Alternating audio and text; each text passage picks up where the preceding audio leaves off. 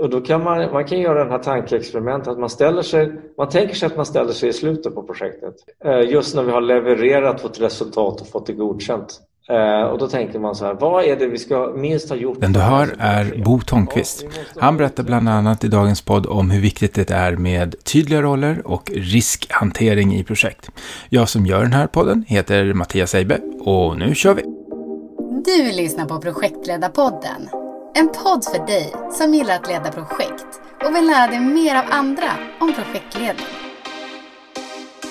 Idag har vi en projektledare, konsult, föreläsare och författare till den bästa svenska projektledningsboken med övningsbok, Bo Törnqvist här. Välkommen! Tack så mycket! Det ska bli spännande att få vara med på den här podden.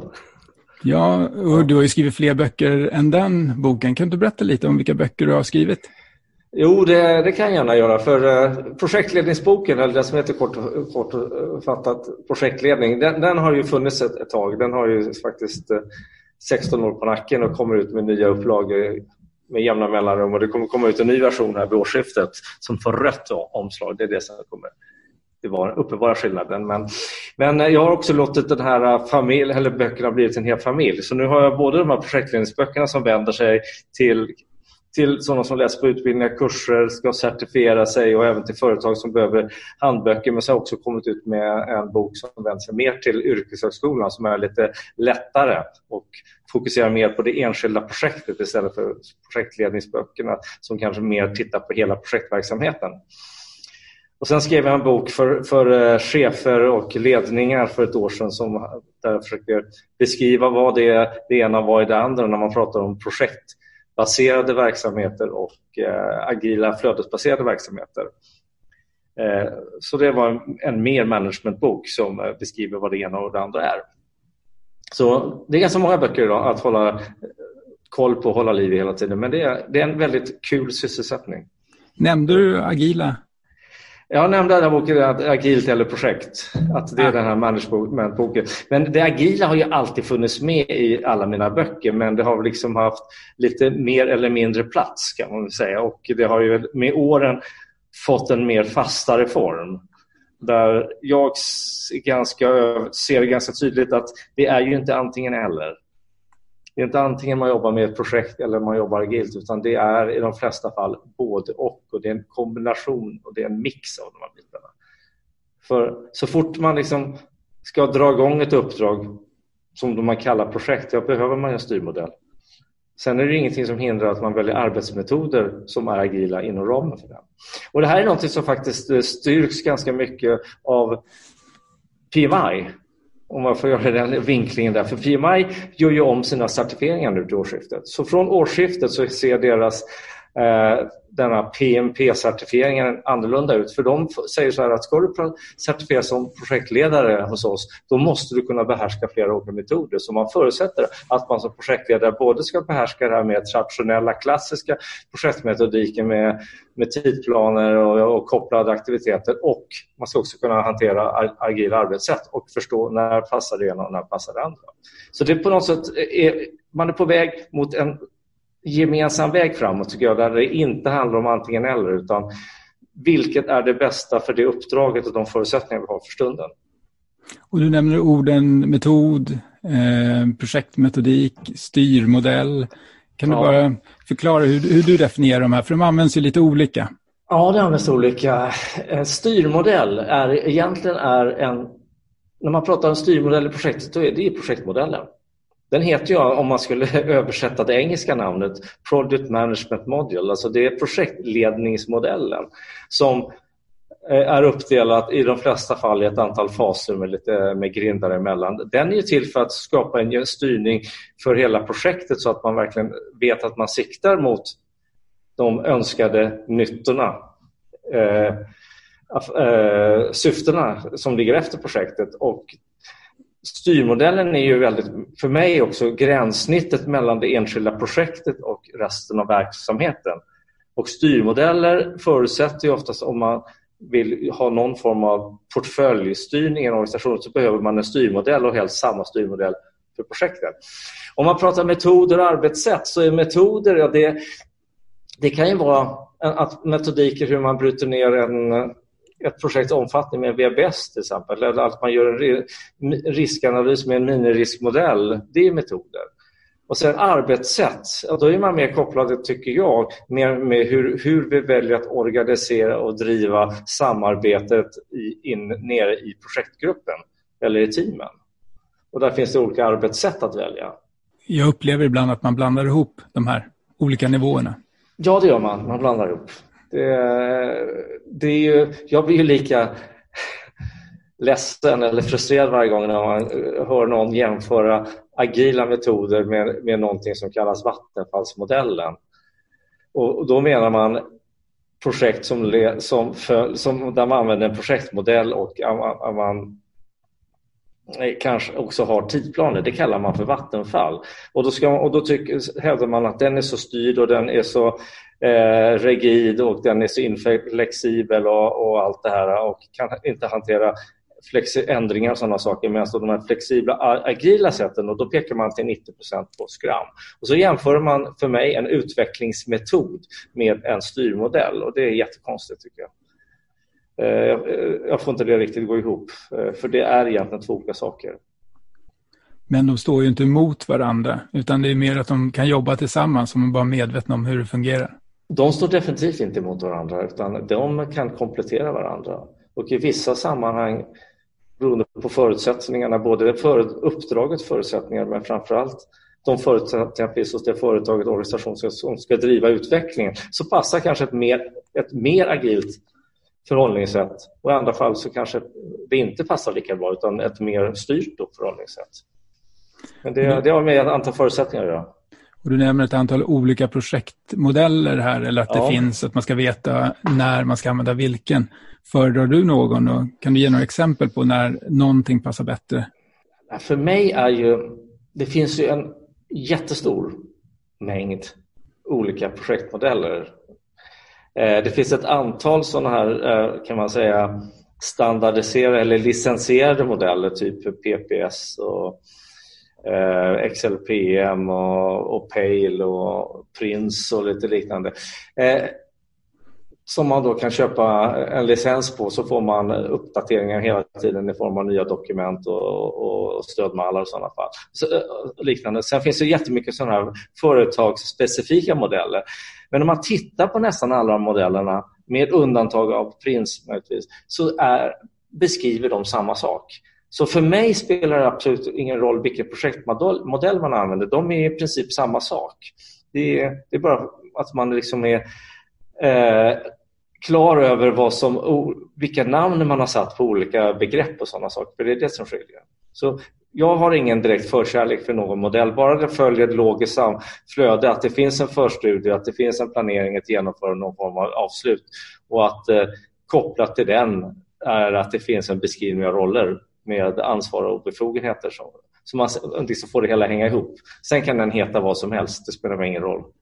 Och du säger att det är lite skillnad mot Prins 2. Vad, vad är det för skillnader? Ja, Prins 2 är lite större. Jag ska säga Prins 2 ligger ju någonstans emellan en standard typ eh, PM-bok, amerikanska PM-bok eller eh, ISO-standarden. Den beskriver ju mycket mer. Eh, den, jag ser den mer som en stor verktygslåda som beskriver processer, modeller, roller, olika saker på, på ett ganska övergripande sätt och sen upp till en själv att plocka ihop utifrån den hur jag vill bygga upp min styrmodell. Eh, och man kan ju licensiera eller certifiera sig på Prins, vilket man kanske inte kan på en vanlig projektmodell. En projektmodell för mig den är, det är mer handgriplig. handgripligt. Det, är, det är liksom att uh, det är en flöde helt enkelt. Utan att nämna något företagsnamn, men har du sett något företag som verkligen har implementerat en projektmodell och använder den? Eller är det, som min erfarenhet är att man säger att man använder en projektmodell ja. och sen ser man det mer som en verktygslåda? Ja, det, det finns säkert jättemånga bra exempel. Jag kan inte eh, jag, kan inte, jag vågar inte säga någon rakt ut för jag har ju bara sett en, en begränsad del av olika företag och verksamheter. Men vad jag ser många gånger det är ju att man har bestämt sig att vi, okay, vi ska ha den här modellen och så kör man igång något, något större implementeringsprojekt. Eh, Och där stannar det tyvärr rätt så ofta. Det, de redan frälsta som tycker att det här är en bra grej, som redan från början tyckte det var en bra grej, de använder det. Men de andra som har varit lite mer skeptiska och inte förstått Eh, och tycker det är bara jobbigt att man ska lägga på ett ramverk och massa styrdokument. De kommer att göra allt de kan för att slippa. Eh, och det här ser vi. Vi jobbar ju då eh, inom det bolaget som jag har varit med och dragit igång, Baseline, där, där vi jobbar med projektmognadsmätningar.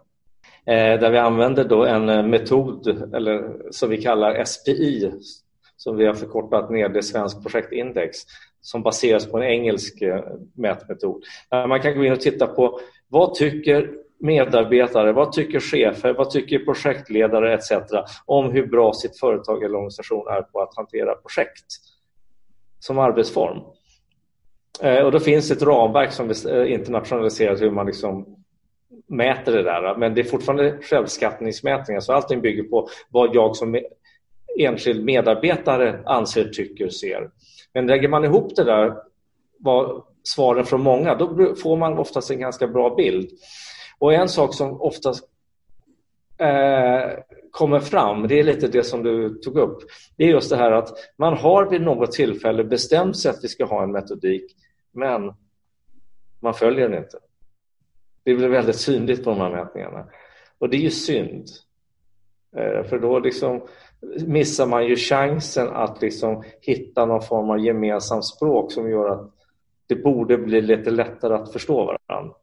Att om man har, om man har samma begrepp, samma ordlista ungefär och man kallar saker likadant och man vet att de projekten vi kör igång de följer ett huvudflöde som är hyfsat likt varandra då, då kan man ju också berätta det för varandra och då förstår man också var projekten är någonstans istället för att varje projekt hanteras på sitt sätt. Det underlättar inte eh, förvirringen om man säger så. Och erfarenhetsåterföring ser jag som nästan omöjligt att genomföra om man inte har en modell att följa upp i. Nej, exakt. Visst, det, det, det, finns ju med i nästan alla modeller, någon form av erfarenhetsåtermatning, men det är ju inte så himla lätt för det att funka heller. Och jag vet att... De flesta är ju glada att de är av med projektet. Och jag vet att du tycker det är väldigt viktigt med tydliga roller. Mm. Varför är det viktigt? Ja, det har också att göra med eh, det här med delat ansvar och inget ansvar. Att eh, om det tydligt framgår, om jag säger, säger att jag har fått förmånen att bli projektledare i ett projekt, då är det ganska bra om jag vet vad det är som förväntas av mig. Vad är det viktigaste uppgiften? Vad kommer jag mätas emot hela tiden? Och då brukar man säga att projektledaren, ja det är att se till att resultatet uppnås, att man går i hamn med projektet, inom, helst inom önskad tid och budget. Så det är det viktigaste att mäta. Och då är det ganska bra att också koppla till det mandat. För ett ansvar utan mandat är, är ju ganska värdelöst. Om jag har tagit på mig ansvar att leverera ett projekt med hjälp av då de resurser som jag, jag får låna då måste jag ju ha ett mandat att kunna under, inom projektets ramar kunna fatta, få fatta vissa beslut och förfoga över vissa medel och budget. Så om jag inte får det, då är det ju väldigt korkat ska jag säga, att lova att göra, leverera någonting. Så det hänger ihop. Eh, och många ställen där det brister, det är ju, tyvärr är det ju nivån ovanför projektledaren, det är ju på beställarnivån att kompetensen på beställarnivån är tyvärr ganska låg. Vilket gör att de flesta som kliver in i, beställarrollen i, i projekt inte vet egentligen vad som förväntas av dem och vad de behöver göra för att de projekten de sitter som beställare för ska få rimliga förutsättningar. Och då, och då liksom på något sätt det sipprar ner hela vägen att det, allting blir otydligt. Så är det mm. någon roll som är viktig, om man ska säga den viktigaste rollen för mig, eller som jag tycker i projektet, är beställaren. Och hur får man beställaren att förstå hur viktig den är och att den måste förstå det här? Ja, det är eh, det, är det som är så svårt. För du får sällan beställa att gå på kurser. För de, de har inte tid eller inte kan det eller så vill de inte avslöja att man inte kan det. Nej, men jag tror att det handlar om att eh, koppla ihop eh, beställarrollen också med den som är ansvarig för det man kallar nyttorealiseringen eller effekthemtagningen efteråt. Och det vet jag att organisationer som typ SE-banken för länge sedan började med och även tror Försäkringskassan för länge sedan, när era, deras projektkontor när de hade sånt, att där gjorde man ju så att man såg till att den som kliver in och får projektägarrollen, alltså beställaren, är också ansvarig för att säkerställa att man följer upp och rapporterar nyttorna efteråt. Och på det sättet så fick man en lite mer rimlig eh, Eh, bedöm, eh, liksom, eh, nivå på det man lovade att projekten skulle göra. För man, man, man var ju den själv som skulle följa upp efteråt och rapportera upp till sin, till, till sin ledning hur, vad som verkligen hade blivit. Och då framgår ju, det väldigt tydligt om man hade startat fel projekt eller om man har startat projekt med, med felaktiga eller alldeles för luddiga förutsättningar. Det, slog ju, det, det blev synligt på ett sätt. Så jag tror att det är viktigt att koppla ihop hela projektens liksom mål och framförallt syften med verksamhetsmålen och bli mycket tydligare på det. Jag vet inte vad du har för erfarenhet av det här, vad de anser vem som är ansvarig egentligen? Eh, det är, det är väl det som är tyvärr många gånger otydligt, är, är just det här att det finns för något synsätt att bara vi har utsett en projektledare och, och formulerat något form av mål och gett ett projektnummer, ja, men då är halva problemet löst. Och det är ju inte riktigt så. Uh, nej, men det är alltså det här, jag tror det var det här, för mig, vad jag tycker, det slår tillbaks på, på vad, är, vad är en riktig delegering? Och det är väldigt tydligt om man säger om ett japanskt stort företag, oavsett det, det kan vara Honda, Toyota, Sony eller vilket som helst. Om det händer någon skandal, om, om det blir problem på några produkter eller någonting, att företaget liksom har, har, någonstans för har man liksom inte gjort rätt. Då står ju högste chefen, till och med koncernchefen i tvn och ber om ursäkt och nästan gråter. För där har man ju fattat att den som sitter högst upp är ansvarig för allting under. För som chef så ska ju jag, jag kan inte bara liksom rekrytera medarbetare, jag måste också bedöma att de medarbetarna jag rekryterar och vill göra till underchef, att de har rätt kompetens. Och det är samma sak i ett projekt. Om jag ska utse någon till projektledare, då börjar jag ju checka upp att den här personen är kompetent. Och om jag missar det, det är inte den personens fel, såvida inte hon eller han har lurat mig. Men det är ju jag som har gjort en felbedömning. Så högst upp är man ansvarig för allting och sen kan man liksom på något sätt delegera ner och till slut kommer du till projektledaren och, så, och projektledaren i sin tur delegerar till projektmedlemmarna. Och där måste det vara samma tydlighet också. Och, eh, så det behöver ju hänga ihop och när det här blir otydligt, eh, vem som egentligen var ansvarig, jag menar, då blir det ju svårt att veta vem, då kan man inte hänga någon om det går fel. Och det är ju, det är ju bra kanske om man inte vill bli hängd, men det, ju, det, det, skapar ju en osäkerhet överallt.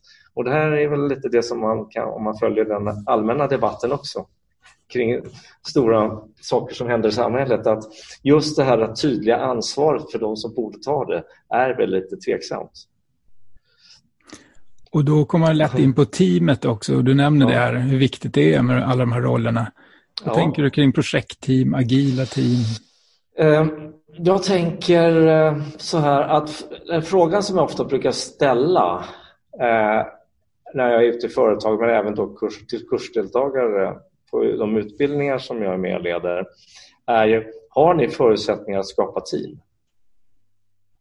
Eh, och, och, då säger man ja, det har vi. Och sen börjar jag utifrån det gå, gå igenom de bitar som jag tycker ett team ska, ska innehålla. Man, man säger liksom teamet ska ju eh, inneha eh, nödvändig kompetens och man ska inte vara för många, man ska inte få vara för få och man får inte ändra sammansättningen i teamet för då helt plötsligt tappar man hela den här gruppprocessstrukturen eller eh, styrkan och då kan man inte vara självstyrande längre. Till att, ända till att, att man liksom ska faktiskt, för att riktigt vara ett team, kunna lägga merparten av sin tid just på den uppgiften och inte hålla på med så mycket andra saker parallellt.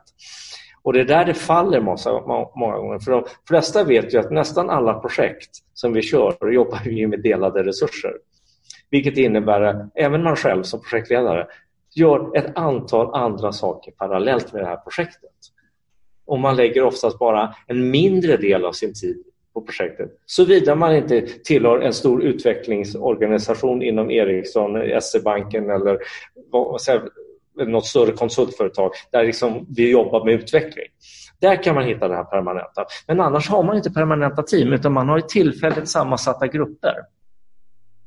Och då är frågan, kan man låta den, kan den tillfälligt sammansatta gruppen känna sån samhörighet som man verkligen kan börja jobba med, det man säger, med eh, självstyrande eller självorganiserande som är en av nyckelbyggbitarna om du ska jobba enligt agila metodiken Scrum. Och då skulle jag vilja säga, eh, säga att de flesta skapar inte de förutsättningarna. Vilket redan där faller många gånger. Att vi, vi, vi ger ju inte våra medarbetare möjlighet att, att, att överhuvudtaget ingå och bli de här sammansvetsade effektiva teamen. Men ändå ska vi nu trycka på styrmodeller och arbetsstrukturer som förutsätter de här eh, sammansvetsade teamen fast vi inte har dem. Och här tror att man biter sig i svansen eller vad säga, jättemycket. Att man försöker införa ett sätt som många berättar, det här är så flexibelt, det är så bra och vi, vi, vi, vi behöver inte detaljplanera, det sköter teamen själva. Men så har man inga team. Man tror att man har det. Och det här tycker jag är det som många gånger eh, jag blir mest upprörd kring. Liksom, att, den här, att man går liksom blint bara rakt in i, i någonting som som ett nytt arbetssätt och tror att man blir frälst på det hela. När man själv inte skapar förutsättningarna. Eh, så det, jag ser ett jätteproblem där. För det är ju ännu viktigare med tydliga direktiv och tydlig eh, delegering om man ska jobba med självstyrande team än om du jobbar med de här eh, tillfälligt sammansatta grupperna som, som då har en projektledare som är där och kollar allting. För i de här teamen har ingen projekt, ska inte ha en projektledare utan där ska ju hela teamet vara ansvarig för resultatet. Medan i projektet så är det projektledaren som ansvarar för resultatet. Så skippar man då projektledaren, vi behöver inte för teamet ska ta, men man är dålig på att tydliggöra vad som ska göras utan man tror att teamet själva ska komma på det. Nej. Och det här tror jag att man har missuppfattat jättemycket när man just pratar om de här självstyrande eller självorganiserande teamen. Att man tror att teamen själva ska kunna bestämma vad de ska göra. Nej, det kan de inte, såvida inte de, de är ett eget team, ett eget bolag. Men de flesta ingår i ett större sammanhang, så de kan inte bestämma själva. Men de kan ju bestämma själva hur de ska göra saker, vem som ska göra vad, alltså hur de ska organisera och fördela arbetet. Men de kan inte få bestämma vad de ska göra. Så att införandet av mer, ett mer agilt tänk och mer agila metoder kommer att ställa ännu större krav på ledningen att vara tydlig. Så då kan vi inte ha en eh, ledning och chef som abdikerar och bara delegerar ut allting och tror att det löser sig. Det funkar inte. Du har ju skrivit boken Agilt eller projekt och jag antar att det här var en del av det behovet du såg. Ja, det, det var ju, det, framförallt var ju det. det. Det var ju det som fick mig att skriva den boken för över ett år sedan.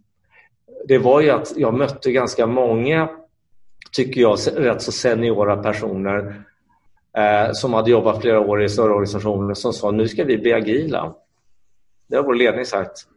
Men ingen berättar hur det ska gå till och vad vi egentligen ska göra. Och Det här mötte jag från flera håll och då inser jag att det, någonstans så är det slir, slirare. Eh, och jag har ju mina egna idéer och teorier kring det hela och det, det är väl bland annat det här med att projektmetodiken, styrmodeller, massa, massa dokument med, med rubriker där man ska fylla i information och man ska rapportera och man ska möta. Det känns väldigt tungt för många. Eh, så kan man hitta ett arbetssätt som verkar lättare, mer flexibelt och inte kräver all denna dokumentation och styrning, då, då är det tacka fan för att man börjar bli nyfiken.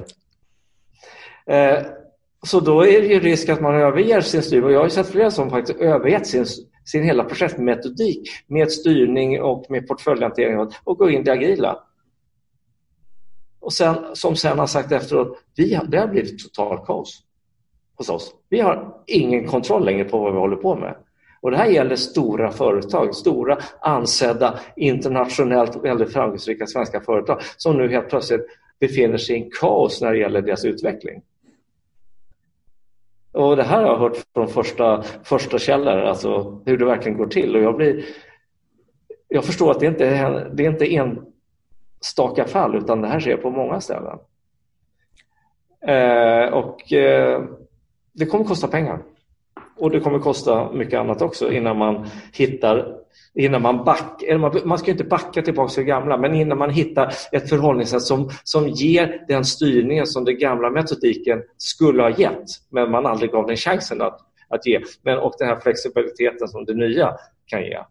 För jag tror en anledning att man överger gamla, det är därför att man aldrig har jobbat enligt det gamla. Man har sin projektmodell med sina allting, men man, det är ingen som har förstått den eller brytt sig om liksom att, att implementera den fullt ut. Så de flesta har liksom inte jobbat på det sättet utan man bara sett det som något tungt och jobbigt som man inte har någon hjälp av. Och man har ju ingen hjälp och stöd av det om man inte tillämpar det på avsett sätt.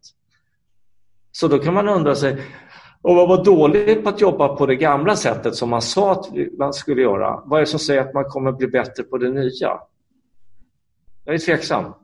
Det låter jag väldigt negativ här säkert, men jag är väldigt tveksam på att man helt plötsligt skulle bli jätteduktig och, och disciplinerad och allting när man inte var det tidigare. Och hur skulle du rekommendera om du gick till något av storföretagen nu och de sa det, hjälp oss? Eh, då skulle jag eh, då skulle jag, när man utgår från den första frågan, vad är det ni menar egentligen? Vad är det ni vill åstadkomma? Och sen, sen går man in och tittar på eh, vilket man borde göra i vilket fall som helst. På vilket sätt skapas värde i, i organisationen? Hur ser deras huvudprocesser ut där man skapar värde för kunder? Och vilken arbetsmetod på vilket sätt stöder det bäst? Och då kan man titta på hur jobbar man idag? Och vad är det man tycker inte fungerar idag? Och om, vi då, eh. om vi då tar exemplet att eh, vi skapar en produkt i ena änden av företaget, vi mm. säljer den och implementerar den i den andra änden av företaget. Mm. Ja, men för mig är projektledning eh, och projektmetodiken det är egentligen bara ett, ett, det är ett arbetssätt mycket, alltså inte själva metodiken, det styr man, men om du kommer ner på projektledning och sånt hur man gör, det är ett arbetssätt eh, som är eh, mer eller mindre man kan säga, det är som ett verktyg för att skapa de förändringar som du Eh, vill förändra. Och det kan vara allt ifrån att utveckla nya produkter till att göra förändringar i organisationen eller vad det, vad det kan vara. Så är projekt egentligen, det, det är själva verktyget som ska leverera det här. Så då är det tillbaka till att, att förstå projektets sammanhang vilket man är inne på i de här certifierande organisationerna också. Att som projektledare räcker inte med att du ska kunna en metodik, en projektmodell och leda och organisera. Du måste förstå det sammanhanget som projektet finns inom för att kunna bedöma om det du projektet du, du är satt att leda kommer skapa någon nytta eller inte. Och om du, du bedömer att det inte skapar nytta, ja, då, du får inte stoppa projektet men då, då får du väl påtala eh, till den som har beställt av dig att eh, hur, hur det står till. Men alltså, det, jag tycker att mycket faller tillbaka till, till det här väldigt enkla saker som, som jag tycker man pratade om när det gäller marknadsföring och sånt redan på 80-talet. Att med en tydlig affärsidé så blir det ganska enkelt att prioritera och veta vad vi ska göra och inte göra. Alltså är det otydligt, vår, verks- eh, vår affärsidé, och då, eh, jag brukar oftast i projektledningskurser börja med det när, när jag pratar om projekt i sammanhang. Att försöka säga vad, hur, vad är en affärsidé och vilka tre komponenter består en affärsidé av?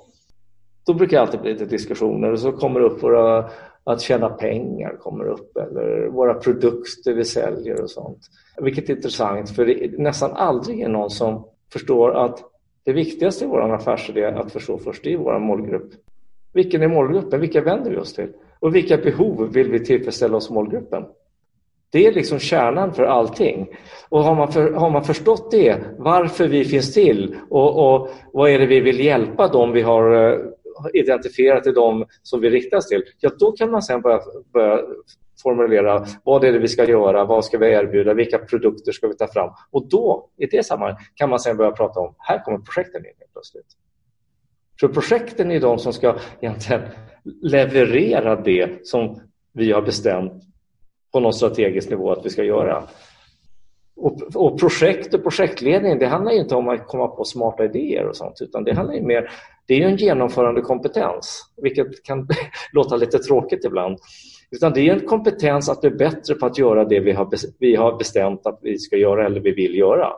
Det är hela vad projektmetodiken handlar om. Hitta ett metodiskt sätt att analys, ta tag i, definiera en uppgift, analysera förutsättningarna och om vi fortfarande tror på det, ta fram en plan, genomföra, hantera massa ändringar och saker och sen så småningom leverera någonting och så stänga det hela. Det är ju, egentligen är det samma sak som den här kvalitetscykeln, PTC, om man säger Plan, Do, Check, Act. Fast vi, har, vi kör den inte flera gånger utan vi kör den en gång. Eh, och, och, det är ju det det många gånger handlar om, att är det otydligt i början formellt vad vi ska göra, då är det ingen idé att sätta sig och börja planera någonting. Planera kan vi först göra när vi har lite bättre koll på vad vi ska göra. Och här kommer också det här agila in många gånger, tycker jag, på ett ganska bra sätt. Att i vissa lägen och sammanhang kan vi inte få svar på alla frågor. Vi, vi kan inte köra så lång förstudie så att vi eh, utreder alla tänkbara scenarier och skriva en 100% vattentät kravspec och ta fram en plan som inte kommer behöva ändras någonting. Det är orealistiskt. Det är ingen som tror att det funkar. Eh, utan, eh, utan det, vad vi alltid måste acceptera det är en större eller mindre grad av osäkerhet. Och då kan man göra så att säga så att, att om man vill titta på liksom hur omfattande bör en förstudie vara, alltså företaget, då, bör, då bör man ställa sig frågan också, vad behöver vi minst veta för att kunna företaget börja planera någonting? Det är det som styr hur mycket förstudien. Och hur, hur detaljerad plan vi ska ta fram, det styrs ju av vad är det vi måste, vad måste vår planering innehålla för att vi överhuvudtaget ska kunna börja jobba? Och sen har man hela vägen till slutet. Och här, tycker jag, och här kommer det agila in, in tycker jag, i alla fall om man det ser mig jobba i de här sprintar och de här sakerna, att, att det är ju ett arbetssätt som är väldigt bra när det fortfarande råder ganska stor osäkerhet. Vi har inte klart för oss exakt hur kravspecen eller hur funktionaliteten på det systemet eller, hur, eller det vi ska ta fram. Men vi kan inte vänta tills vi har bestämt alla detaljer. Vi måste börja jobba för annars kommer vi inte kunna möta någon deadline. Så då måste man veta vad måste vi ha koll på för att vi taget ska kunna börja jobbet och vilka saker kan vi vänta och, och fatta beslut senare. Så det är ganska tilltalande det sättet, alltså grundtankarna som eh, till och med kommer många gånger från, från lean. Det här med att fatta bara beslut om saker du måste. Det du inte behöver fatta beslut om, vänta. Eh, men man kan inte vänta hur länge som helst. Så det tankesättet tycker jag är jättetilltalande, vilket innebär att du ska inte detaljplanera för mycket. Men du ska å andra sidan inte, du måste ändå ta fram någon form av grå övergripande roadmap, övergripande aktivitetsplan med saker som du vet behöver göras i en viss ordning, för annars liksom kommer ingenting funka. Och det gäller kunskap om att förstå vad måste vi planera och vad måste vi göra i en viss ordning och när finns det deadlines för vissa saker och vilka saker kan vi faktiskt hantera på ett flexibelt sätt. Så det är inte 100 procent antingen eller utan det är, det är en mix i det här och det är väl det som jag tror att de som är verkligen lyckosamma idag och framöver på att tillämpa det är att förstå de här bitarna riktigt. Och att inte en metod kan lösa allting. Du kan inte planera till 100 procent allting. Det finns inte en chans. Det kommer hända saker. Å andra sidan kan du inte starta helt utan en plan heller och säga vi jobbar agilt, alltså vet du inte hur lång tid det kommer ta, vad det kommer kosta. Och vi, och vi tar fram användbara resultat i varje sprint. Men det gör man inte. Ja, men du, du skickar inte fram, du, du, på fyra veckor kan du inte ta fram någonting du kan skicka till kund. Jag menar, det, är ju, det handlar inte principen om, även om en del, en del tror det. Utan du kan ta fram viss funktionalitet som, som du sen kan lägga ihop med annat och skapa någonting som man på Ericsson kallar eh, leveransobjekt. Tyvärr så tror jag att vi går just nu mot en riktning där vi har, får mindre och mindre tid att verkligen sätta oss ner och, tänka igenom vad vi ska göra utan vi startar alldeles för snabbt idag med bristfälliga underlag. Och, och man har en övertro till att en arbetssätt ska fixa en grundläggande analys. Eh, så där tror jag, men det kommer nog vända så småningom när man ser att det kostar alldeles för mycket. Eh, så egentligen alltså för korta perspektivet så, så ser jag tyvärr väldigt lite i att man skulle bli bättre. Och jag tror att det, det kan ha att göra med att det, de som representerar då mer det traditionella, klassiska sättet kanske har svårt att övertyga många yngre och de som då förespråkar de mer flexibla sätten varför det andra är så bra. Och då kan det uppfattas som, som bakåtsträvande och tråkigt. Och många kanske inte då heller är tillräckligt öppna för det nya. Men det är svårt att säga. Det. Men jag ser tyvärr inte att man, att man eh, tar det tillräckligt mycket på allvar där med projekten. Utan man, man kör igång för löst. Jag vet projekt, vad heter de, Project eh, Place, alltså gamla projektplatsen, de gjorde ju någon undersökning i sin kunddatabas för ett par år sedan. Där man då eh, i, ett antal länder, jag tror det var sex, ett par tusen svarande minst var det. Ja. Eh, där man säger hur tillsätter vi ni projektledare? Eh, då kom det fram till att över hälften av projektledarna, jag tror till och med två tredjedelar nästan, hade ingen utbildning eller certifieringar. Och 20-25 procent av de som hade blivit projektledare hade blivit emot sin vilja.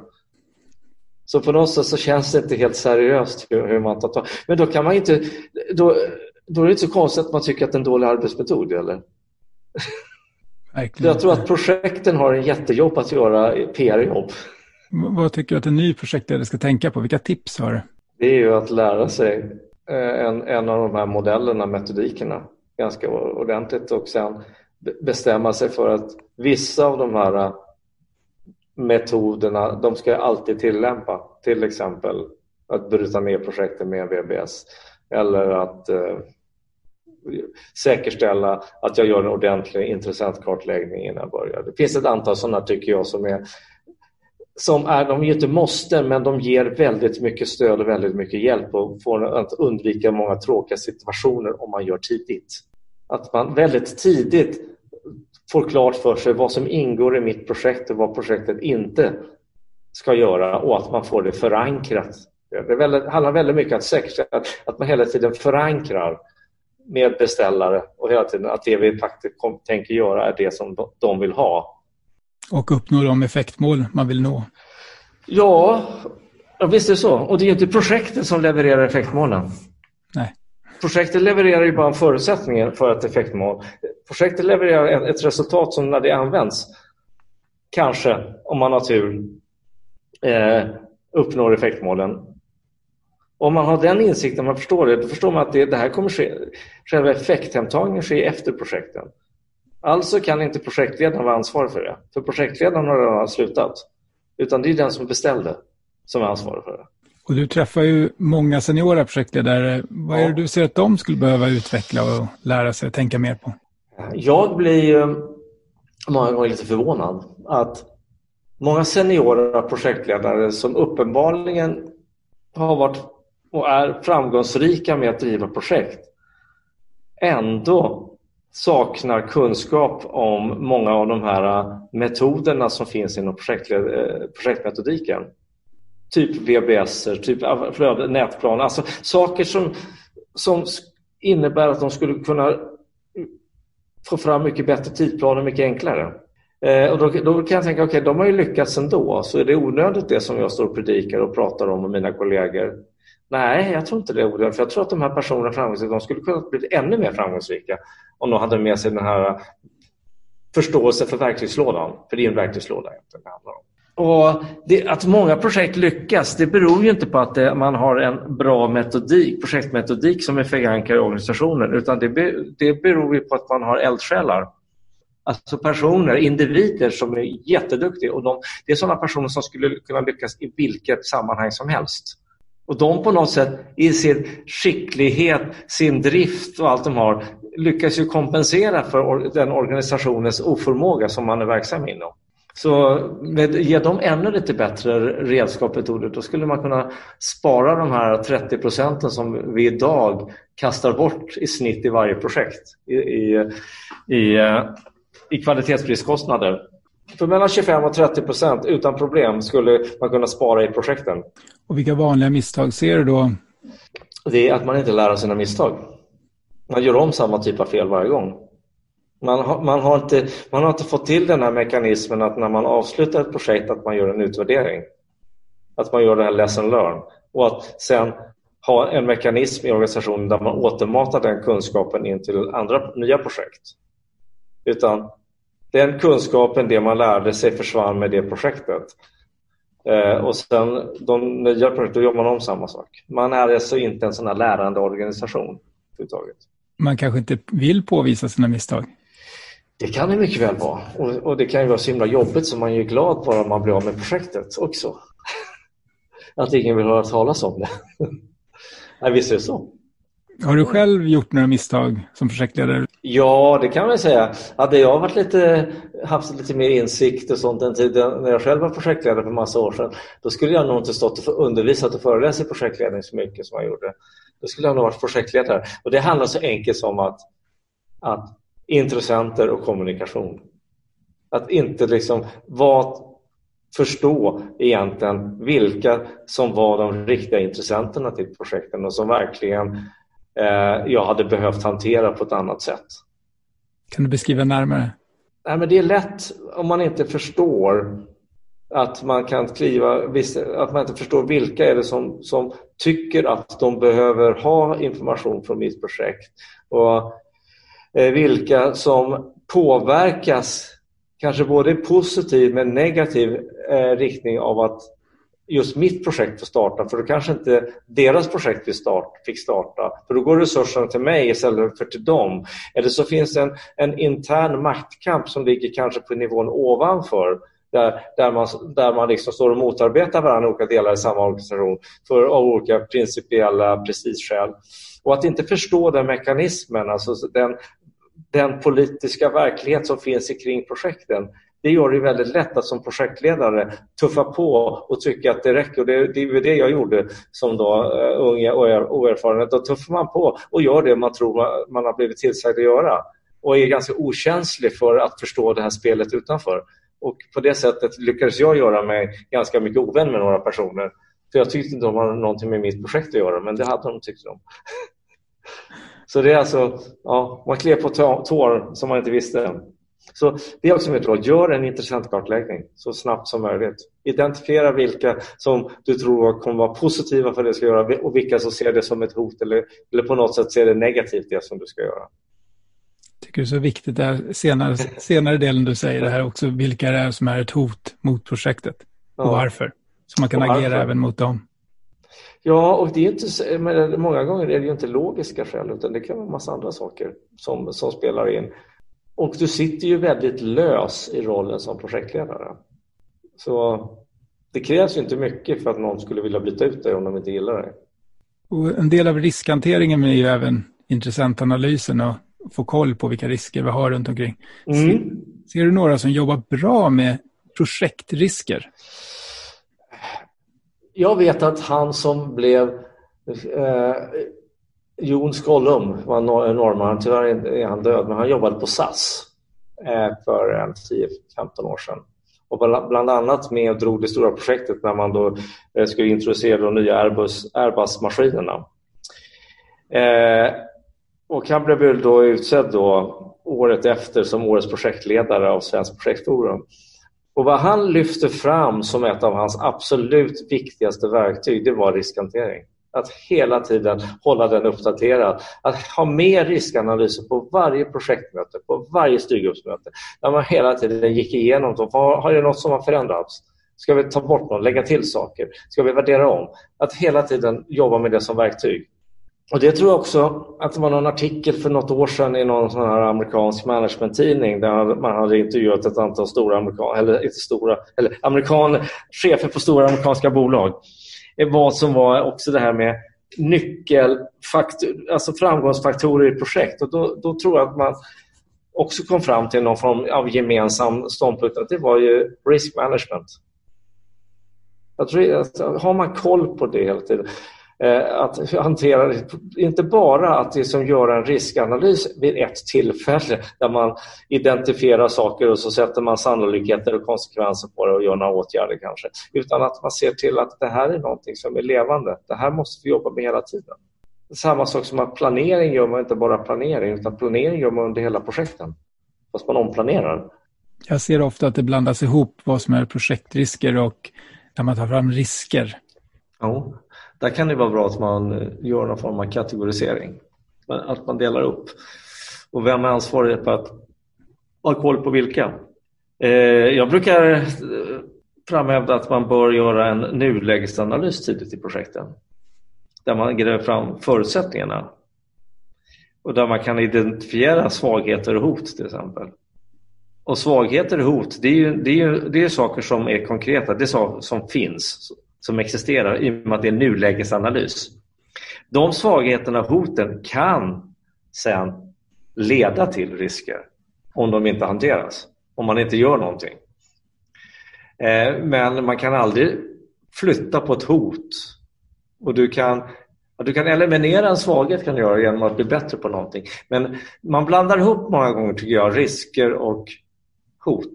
Och det tycker jag samma sak som man blandar ihop ex, ex, e, egna ins, eh, styrkor och eh, externa möjligheter.